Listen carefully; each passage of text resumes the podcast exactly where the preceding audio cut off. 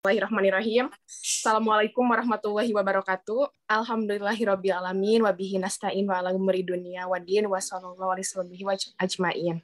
Alhamdulillahirabbil alamin. Pada pagi hari yang cerah ini uh, saya ucapkan terima kasih Wilujeng Enjing uh, kepada partisipan yang telah hadir yang tidak bisa saya sebutkan satu persatu. Alhamdulillah pada pagi ini di kesempatan minggu yang cerah ini kita bisa kembali mendengarkan acara Kulub Hui uh, yang materinya mengenai bagaimana cara mengamati, bagaimana cara pengendalian dan lainnya langsung oleh koordinator POPT Kabupaten Cianjur Bapak Tony Mustari SP. Uh, untuk mempersingkat waktu, kita dengarkan saja pemaparan materinya. Pak Tony, udah siap, siap. Pak? Siap. Mangga, Pak.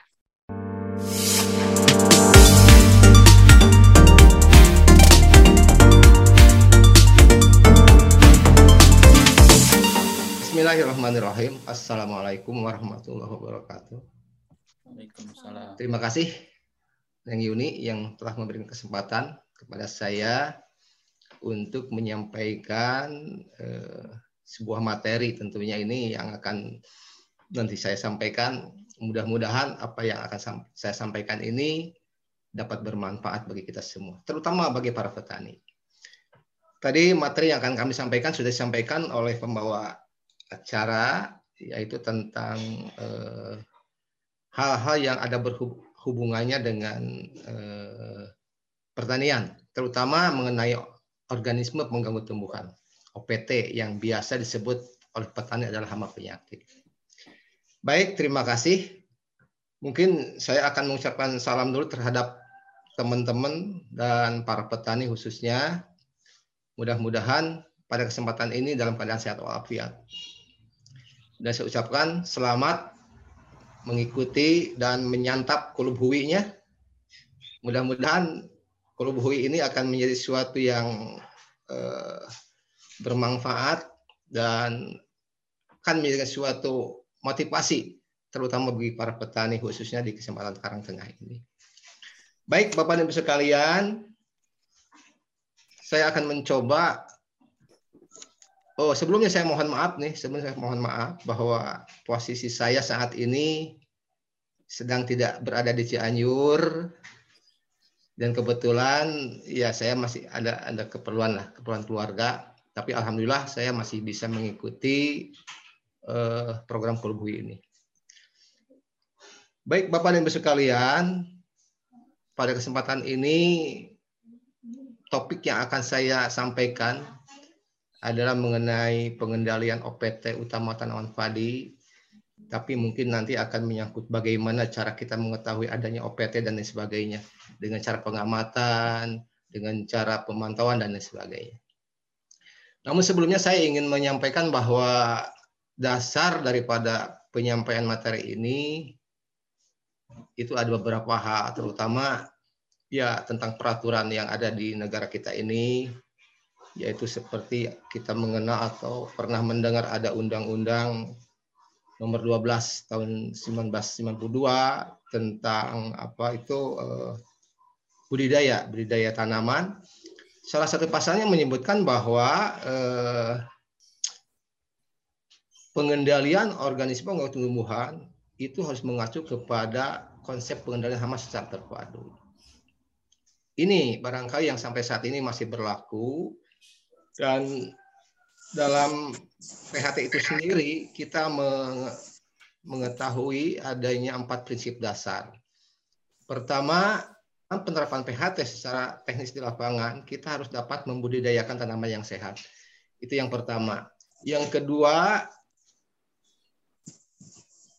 melestarikan dan mendayagunakan musuh alami yang ada di lapangan. Dan yang ketiga adalah pengamatan yang rutin atau pengamatan mingguan. Ini barangkali biasanya eh, yang nomor tiga ini suatu hal yang bisa dikatakan masih jarang dilakukan oleh para petani, oleh kita semua, yaitu pengamatan secara mingguan, secara rutin. Karena dengan pengamatan ini kita dapat mengetahui keadaan pertanaman kita yang sebenar-benarnya Karena dengan pengamatan ini kita bisa mengetahui adanya serangga-serangga, adanya hal-hal lain. Serangga itu sendiri kan banyak banyak fungsinya. Dilihat dari fungsinya ada yang berfungsi sebagai hama, ada yang berfungsi sebagai musuh alami, dan ada yang berfungsi sebagai serangga lainnya. Itu prinsip yang ketiga, itu pengamatan secara rutin. Dan yang keempat adalah PHT mempunyai prinsip dasar yaitu menjadikan petani menjadi ahli dan pelaksana PHT di tingkat lapangan. Itu ada ada empat prinsip dasar yang kami pegang sampai saat ini dalam penerapan eh, Undang-Undang Nomor 12 Tahun 1992 ini. Yang kedua dasarnya bahwa para petani sampai saat ini masih banyak yang menggunakan pestisida yang masih banyak menggunakan pestisida tanpa mempertimbangkan aspek-aspek ekonomi, aspek sosial, aspek ekologi dan lain sebagainya. Aspek kesehatan juga. Nah, maka dengan ini saya akan menyampaikan hal-hal yang berhubungan dengan hal-hal tersebut tadi. Mudah-mudahan ada manfaatnya bagi kita semua. Bapak dan Ibu sekalian, pada kesempatan ini topik yang akan saya sampaikan selain yang dikatakan tadi adalah saya akan akan lebih fokus kepada penggunaan pestisidanya itu sendiri. Karena kenapa pestisida ini sangat penting kita ketahui seperti eh, apa apa itu pestisida, yang kedua apa ke kelebihan pestisida dan yang ketiga mungkin apa ke kelemahan kita penggunaan pestisida. Namun barangkali yang lebih praktis untuk diketahui oleh petani adalah bagaimana cara penggunaan pestisida yang baik dan benar. Nah, seperti kita ketahui bahwa kita mengenal eh, penggunaan pestisida secara bijaksana. Karena dalam konsep PHT, pestisida masih merupakan suatu unsur yang penting dalam pengendalian hama secara terpadu bahwa pestisida masih merupakan faktor terpenting atau faktor penting dalam pengendalian hama dan penyakit tanaman. Seperti kita ketahui bahwa ada beberapa teknik pengendalian yang termasuk dalam konsep PHT itu sendiri. Yang pertama adalah pengendalian secara fisik. Yang kedua pengendalian secara mekanik. Yang ketiga pengendalian secara biologi yang keempat pengendalian secara peraturan perundang-undangan dan terakhir merupakan suatu teknik pengendalian dengan menggunakan pestisida. Makanya pestisida di sini masih termasuk salah satu unsur dalam pengendalian hama terpadu, tapi kami tempatkan pada posisi yang terakhir. Artinya bahwa pestisida bukannya tidak tidak diperlukan dan tidak boleh digunakan, tetapi mari kita gunakan pestisida ini secara aman dan bijaksana. Tadi sekali lagi ada pengendalian fisik, mekanik, biologi, peraturan dan eh, pestisida. Kalau kita singkat, kita akronimkan itu fisik, mekanik, biologi, peraturan dan eh, pestisida. Kita eh, saya masih teringat dulu eh, guru saya di Bandung itu disingkat menjadi siknis olo 6 randa gitu. Signis olo 6 randa. Jadi pengandilan secara fisik, mekanis, biologi, peraturan dan eh, peraturan budi eh, apa bercocok tanam, peraturan dan eh, pestisida. Nah, khusus masalah penggunaan pestisida, kenapa saya fokus ke situ? Karena pestisida ini merupakan suatu bahan kimia yang sangat berbahaya. Berbahaya dalam arti kata kalau kita menggunakannya secara tidak dengan mengikuti peraturan. Jadi dalam penggunaan pestisida secara benar, baik dan benar juga bijaksana ini, kita mengenal istilah penggunaan pestisida secara bijaksana dengan mengikuti enam tepat. Yang pertama, tepat sasaran. Yang pertama tepat sasaran.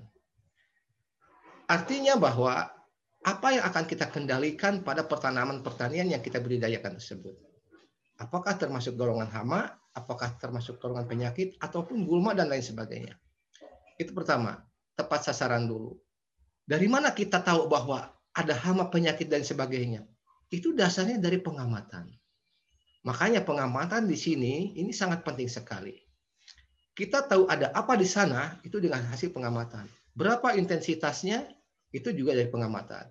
Ada apa juga di situ? Ada pengamatan di sana.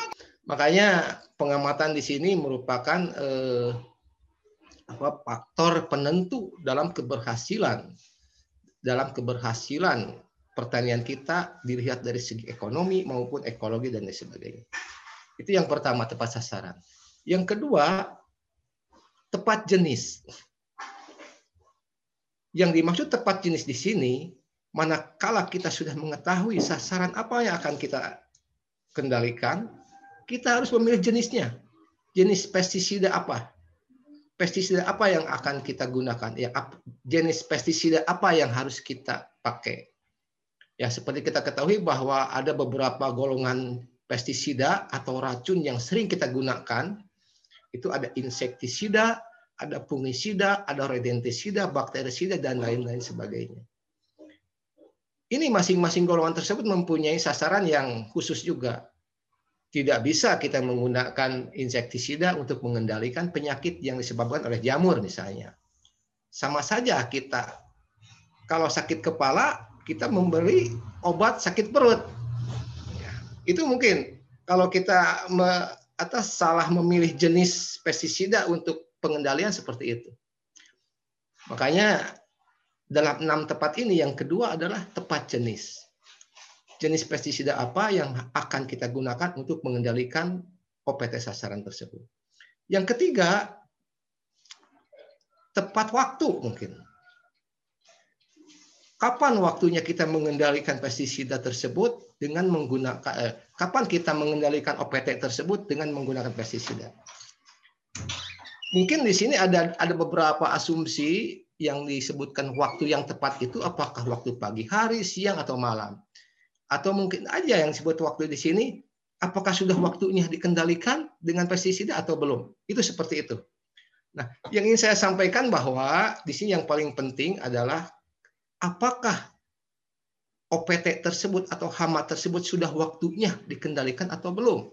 Nah, ini barangkali eh, sesuatu hal yang masih jarang diperhatikan oleh teman-teman kita para petani. Karena biasanya kadang-kadang petani yang saya lihat dan saya dengar di lapangan, kadang-kadang mereka belum memperhatikan keadaan OPT yang sebenarnya.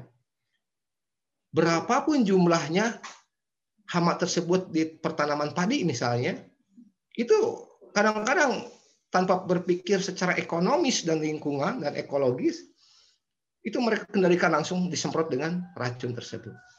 Padahal menurut eh, perhitungan ekonomi dan ekologi, tidak semua serangga, tidak semua makhluk hidup yang ada di tanaman itu dapat merugikan. Suatu contoh, ini ini sangat penting sekali. Ini manakala ada orang batang coklat di pertanaman padi ada tiga ekor sampai lima ekor misalnya per rumpun padi. Itu betul namanya WBC cuman barangkali pada saat itu mereka orang batang coklat belum berstatus sebagai hama. Belum berstatus sebagai hama. Kenapa? Karena populasinya masih jauh di bawah ambang pengendalian. Katakanlah mereka adalah merupakan suatu serangga makhluk hidup yang menumpang hidup di pada pertanaman padi.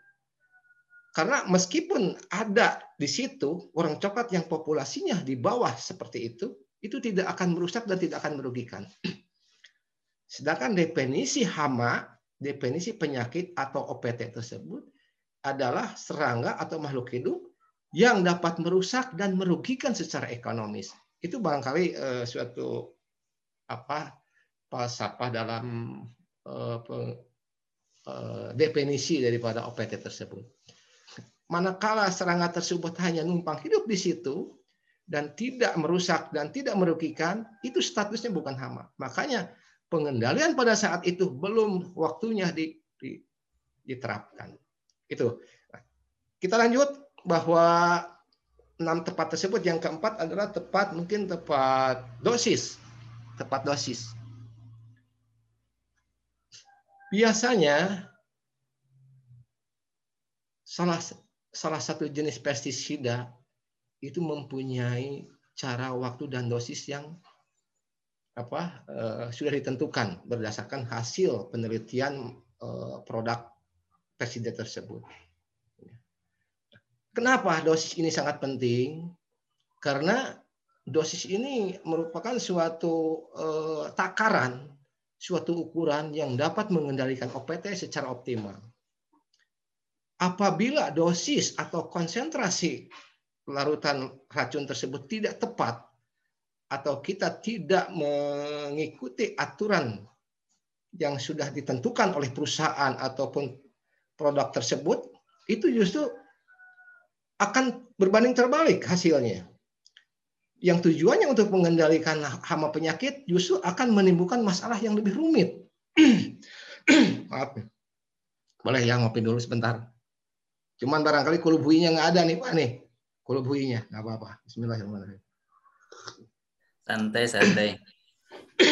Jadi transfer kulubuinya. Ya siap. Terima kasih. Nah kita kembali bahwa dengan ketidaktepatannya dosis dan konsentrasi eh, larutan semprot tersebut itu justru akan menimbulkan masalah yang lebih besar, masalah yang lebih rumit. Salah satu contoh yang sering kita lihat di lapangan adanya peledakan yang lebih besar yang disebut res urgensi. Res urgensi ini suatu keadaan populasi hama yang meningkat secara drastis setelah adanya aplikasi pestisida. Itu pertama res urgensi terjadinya peledakan yang lebih besar, populasi yang lebih tinggi karena adanya perlakuan pestisida. Yang kedua, dengan ketidaktepatannya dosis dan konsentrasi pestisida itu juga akan menimbulkan resistensi. Ini ini fakta di lapangan ada beberapa kejadian seperti itu dan hasil penelitian juga mendukung hal-hal tersebut. Bahwa resistensi ini ada peningkatan kekebalan terhadap hama penyakit dari perlakuan pestisida. Artinya mungkin bahasa bahasa petaninya bahwa yang semula mati dengan satu cc per liter air si, si pestisida itu apabila si, mereka sudah mempunyai kekebalan akibat eh, perlakuan kita tadi itu dengan ditambah dosis 2 cc per liter mereka akan kuat. Itu mekanisme terjadinya resistensi seperti itu. Nah, kenapa terjadi res urgensi tadi? Karena mungkin aja salah satu dampak negatif dari penggunaan pestisida yang tidak bijaksana tersebut, khususnya dalam masalah dosis, itu akan terjadi terbunuhnya musuh-musuh alami atau serangga-serangga lain yang bermanfaat bagi kita. Di sini barangkali ini juga sangat penting. Ini tadi dalam prinsip PHT saya sudah mengungkapkan bahwa salah satu prinsip PHT itu adalah pengendalian secara biologi. Secara biologis yaitu pengendalian dengan menggunakan makhluk hidup yang ada di lapangan eh, setempat di situ, di ekosistem tersebut. Ini dengan adanya perlakuan pestisida yang tidak tepat atau eh, apa dosisnya tidak sesuai dengan aturan yang dianjurkan, itu mungkin aja terbunuhnya musuh alami di situ sangat besar sekali. Seperti kita mengenal laba-laba kita mengenal uh, Phaeodrus, kita mengenal Coccinellid, kita mengenal serangga-serangga lain seperti serangga-serangga yang tidak jelas tampak oleh mata kepala secara telanjang seperti ini. Itu kalau kita bandingkan, Bapak-bapak dan sekalian, ini mohon diketahui, kalau kita bandingkan keberadaan hama atau serangga yang bersifat merugikan dengan serangga atau makhluk hidup yang sangat menguntung, yang menguntungkan kita, itu bahkan kalau kita hitung jenisnya mungkin akan seimbang. Allah Subhanahu wa taala sudah menciptakan berpasang-pasangan. Di situ ada hama, pasti di situ ada musuhnya hama. Apabila kita menggunakan racun, artinya kita membunuh semua makhluk hidup yang ada di pertanaman tersebut. Sehingga pada suatu saat setelah kita mengadakan penyemprotan, itu akan terjadi serangan hama yang benar-benar merajalela. Kenapa? Karena musuh-musuh hamanya sudah kita bunuh duluan. Itu barangkali yang yang perlu bapak-bapak atau ibu-ibu tani khususnya ini ketahui. Jadi musuh-musuhnya hama sudah disemprot oleh kita sehingga mati. Jadi manakala datang lagi hama atau telur-telur hama yang ada di situ menetas, itu tidak ada yang menjaga lagi. Karena musuh-musuh hamanya seperti laba-laba, seperti paederus, koksinus sudah kita bunuh. Nah, sementara si musuh musuh hama tersebut perkembangannya agak lambat. Biasanya seperti itu. Sedangkan perkembangan musuh eh perkembangan hama itu sangat cepat sekali, jadi tidak seimbang. Makanya di sini ada ada suatu uh, kalimat bahwa kalau kita tidak mengganggu lingkungan, maka lingkungan tersebut akan membantu kita. Ini barangkali suatu kalimat-kalimat ini yang perlu di kita cerna. Artinya mungkin kalau kita tidak mengganggu lingkungan di situ adalah semua yang ada di lingkungan tersebut kita kita selamatkan. Terutama makhluk-makhluk hidup atau serangga yang bermanfaat bagi kita. Bayangkan Bapak Ibu sekalian, kita sebagai pemilik lahan sawah, kita sebagai petani, kita sebagai bisnismen atau eh, apa orang yang berbisnis di bidang pertanian. Pada saat malam hari kita kita tidur dengan nyenyak di rumah. Tapi lihat laba-laba lancah yang tiap malam itu membantu kita memakan serangga-serangga hama. Betapa manfaatnya Allah Subhanahu wa taala menciptakan laba-laba yang ada di pesawahan.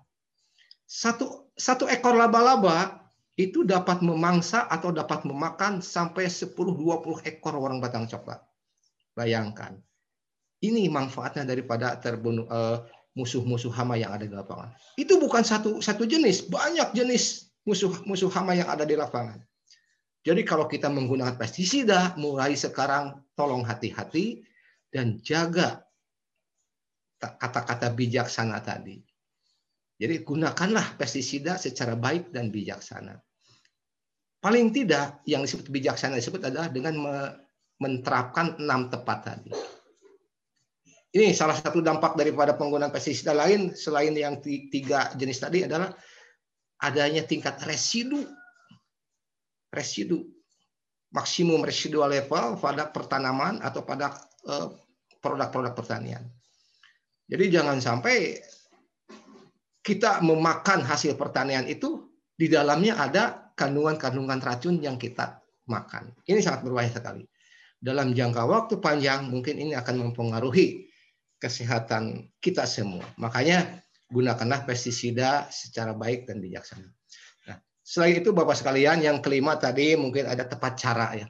Tepat cara yaitu bagaimana caranya kita menggunakan pestisida dengan baik dan benar.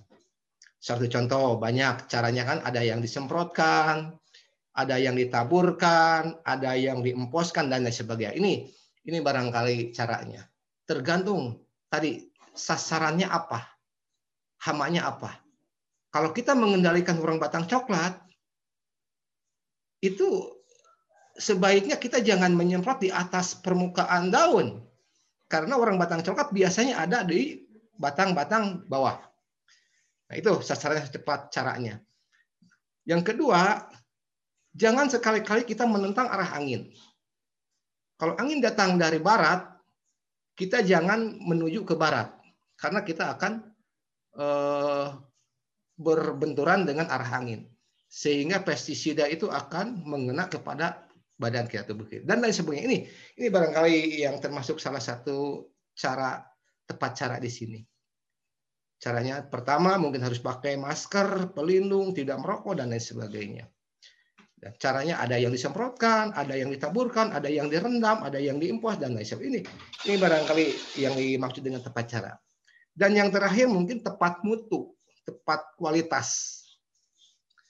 Artinya bahwa kalau kita akan menggunakan pestisida, itu kita harus tahu dulu bagaimana apakah pestisida tersebut masih bermutu enggak. Kita lihat di label apakah pestisida tersebut sudah terdaftar dan diizinkan oleh pihak yang berwenang? Itu yang pertama. Karena ini perlu diketahui oleh Bapak Ibu sekalian, terutama para petani, kalau suatu barang banyak diperlukan oleh masyarakat, pasti ada yang memasukkan. Ini biasanya seperti itu. Karena mereka tidak akan memasukkan suatu barang kalau barang tersebut tidak laku.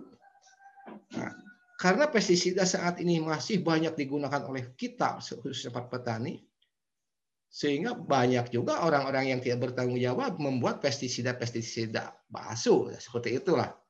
Jadi ini suatu hal yang memang wajar dan memang banyak kita temukan dan kita juga dengan para penyuluh mungkin sebagai pengawas pestisida dan pupuk ini kita sama-sama lah jangan sampai terjadi ditemukan pestisida ataupun pupuk yang tidak berkualitas artinya tidak diizinkan oleh pemerintah sehingga dapat merugikan para petani tersebut. Apakah pestisida tersebut tidak kedaluarsa dan lain sebagainya. Ini yang disebut tepat mutu tersebut. Kita juga harus melihat bagaimana alat-alat yang akan kita gunakan. Apakah masih layak digunakan seperti alat semprot dan lain sebagainya. Kita lihat apakah ada kebocoran atau tidak. Bahkan kalau kita bisa, ini suatu hal memang agak sedikit memerlukan perhitungan secara matematis, kita juga harus mengkalibrasi alat. Ini barangkali yang jarang atau mungkin tidak pernah dilakukan oleh teman-teman petani kita. Kalibrasi alat. Apakah alat tersebut sesuai standar atau tidak? Karena dengan mengkalibrasi atau mengukur kemampuan alat, itu sangat penting sekali untuk melaksanakan enam tepat tersebut. Karena dengan alat yang tidak sesuai dengan standar, itu enam tepat tersebut mungkin tidak akan dapat dilakukan meskipun kita tahu gitu ya. Kita tahu harus begini begini begini, tetapi kalau alatnya tidak sesuai dengan standar, no way itu tidak akan terjadi. Makanya di sini tepat kualitas itu bagaimana keadaan alat tersebut sesuai standar enggak? Satu contoh, ini singkat aja ini mohon maaf. Berapa menit lagi nih Pak Spasidik nih? Ada 10 menit lagi ya. Salah satu contoh, kita me memerlukan dosis satu liter per hektar misalkan. Satu liter pestisida untuk satu hektar dalam satu kali aplikasi. Dengan larutan semprot 400 liter misalkan. Itu juga dengan menggunakan atau menghab, harus menghabiskan 400 liter larutan semprot, itu para petani kita masih sulit sekali. Bayangin saja, yang seharusnya 400 liter dengan dosis 1 liter per hektar tadi, ya, silahkan bapak-bapak hitung sendiri. Kalau para petani akan menyemprot satu hektar sawah misalkan, biasanya habis berapa tangki? itu biasanya paling banyak itu paling banyak sekitar 15 tangki. Sedangkan kalau 15 tangki kali 17 liter itu masih di bawah ya sekitar 200 di bawah 200 liter. Jadi hal, hal tersebut mungkin perlu kita eh, dikaji kembali karena penggunaan pestisida ini harus tepat tadi, tepat dosis, tepat konsentrasi dan lain sebagainya.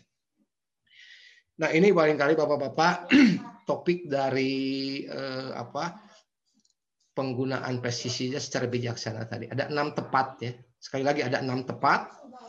Tepat sasaran, tepat jenis, tepat mutu, tepat cara, tepat eh, dosis, eh, tepat cara, tepat waktu, dan tepat mutu. Ada enam tepat di situ. Itu barangkali kenapa saya eh, menyampaikan hal itu secara uh, apa mendetail karena pestisida ini bukan barang aman, bukan barang aman, tetapi ini racun, racun. Makanya mulai saat ini khususnya para petani juga teman-teman penyuluh jangan sekali-kali menyebut pestisida ini obat ya. Jangan sekali-kali menyebut pestisida obat artinya pun sangat jauh berbeda, sangat bertolak belakang. Obat dan racun. Racun mah untuk eh, suatu bahan untuk membunuh yang dapat membunuh. Kalau obat adalah suatu bahan yang atau alat yang kita makan atau kita gunakan untuk menyembuhkan. Itu suatu hal yang sangat bertolak belakang. Nah, namun saat ini masih banyak sekali terutama teman-teman petani yang mengatakan, yang menyebutkan bahwa yang biasa disemprotkan untuk membunuh hama tersebut adalah obat. Jika telah beli obat kayak itu, itu bahkan dari definisi juga sangat sangat bertolak belakang. Makanya mulai sekarang jangan sekali-kali menyebut obat terhadap pestisida. Karena pengertian pestisida tersebut adalah racun untuk membunuh sasaran. Nah, oleh, oleh sebab itu ya para petani masih tidak ada rasa takut, tidak ada rasa apalah. Yang penting karena mereka masih menyebut bahwa itu obat. Tapi kalau kita berpikiran bahwa itu racun, kita akan berpikir dua kali untuk memegang.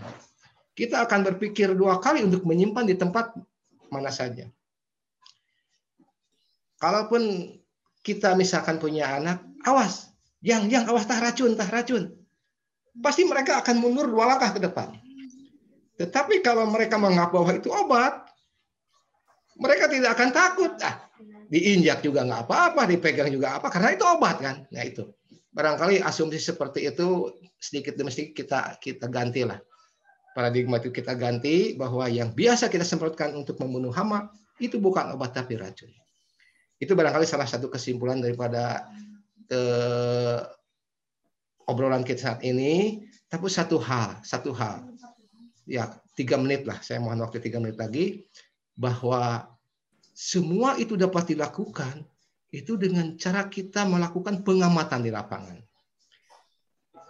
Mau tahu dari mana kita bahwa di situ ada hama, bahwa hama tersebut sudah waktunya atau belum dikendalikan, apakah di situ ada musuhnya hama atau tidak, berapa umur tanaman di situ, varietas apa yang ditanam itu sangat mempengaruhi sekali terhadap penggunaan pestisida itu.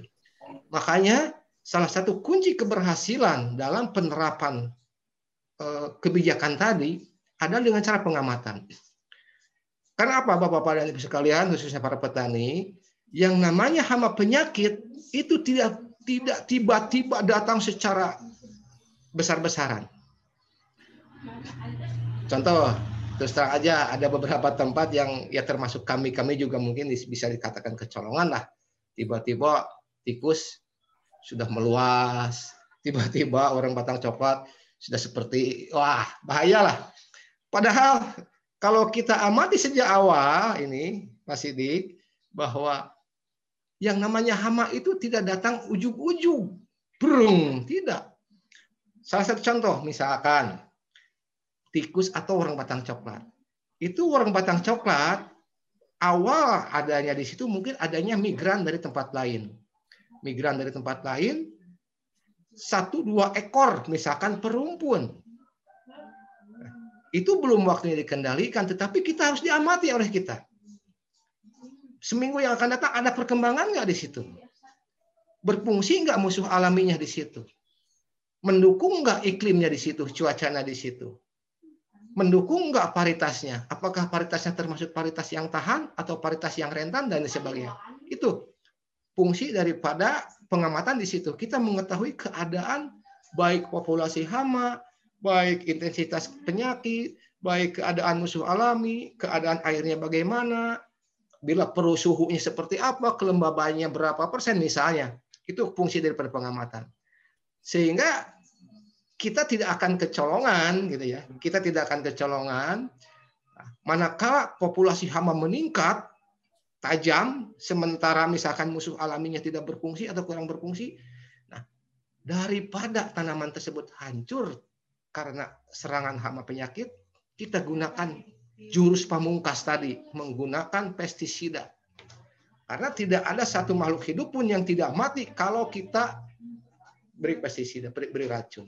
Apalagi hama-hama yang ada di pertanaman. Pasti insya Allah mati.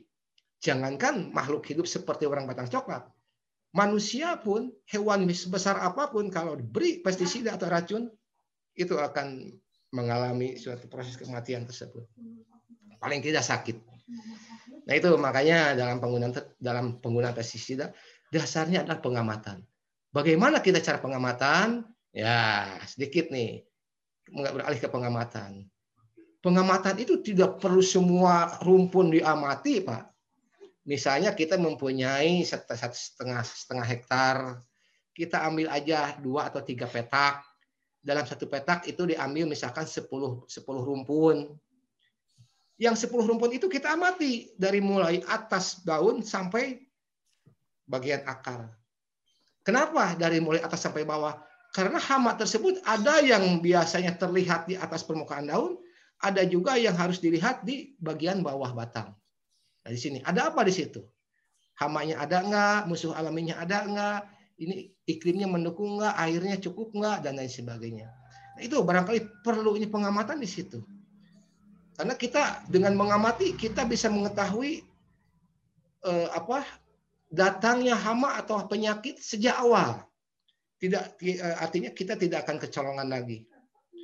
Kita tidak akan kecolongan lagi. Nah, manakala si OPT tersebut tidak bisa dikendalikan dengan secara alami di situ, makanya mau tidak mau kita harus menggunakan pengendalian secara kimiawi.